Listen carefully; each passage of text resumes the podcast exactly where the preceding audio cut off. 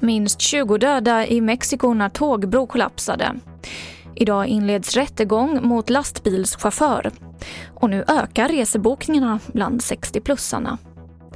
TV4-nyheterna börjar i Mexikos huvudstad Mexico City där ett 20-tal personer miste sina liv och många skadades när en bro kollapsade och ett metrotåg föll ner över en bilväg. Olyckan skedde sent igår kväll och det var mycket trafik vid bron. Och mer om det här finns på tv4.se. Idag inleds rättegången mot en lastbilschaufför som för två år sedan orsakade ett stort polispådrag på E20 efter att han larmat om att lastbilen skenat. Mannen hävdar att fordonet inte gick att bromsa men misstänks för grovt falsklarm eftersom inga fel hittats på bilen.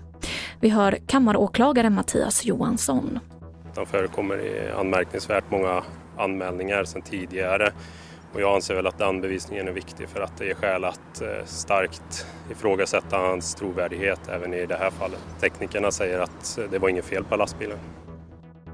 Nu ökar resebokningarna bland 60-plussarna. Det är resebyrån Ticket och researrangörerna TUI och Ving som rapporterar att intresset för resor ökat explosionsartat den senaste veckan.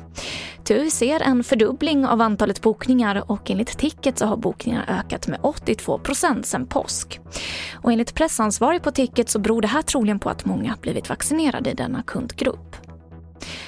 Och till sist kan jag berätta att i morse så kom besked att vårens säsong av Paradise Hotel kastas i soptunnan.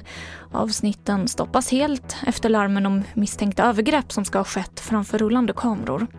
Enligt Anders Jensen som är VD på Nordic Entertainment Group så är denna säsong alltså borttagen och kommer inte att komma tillbaka.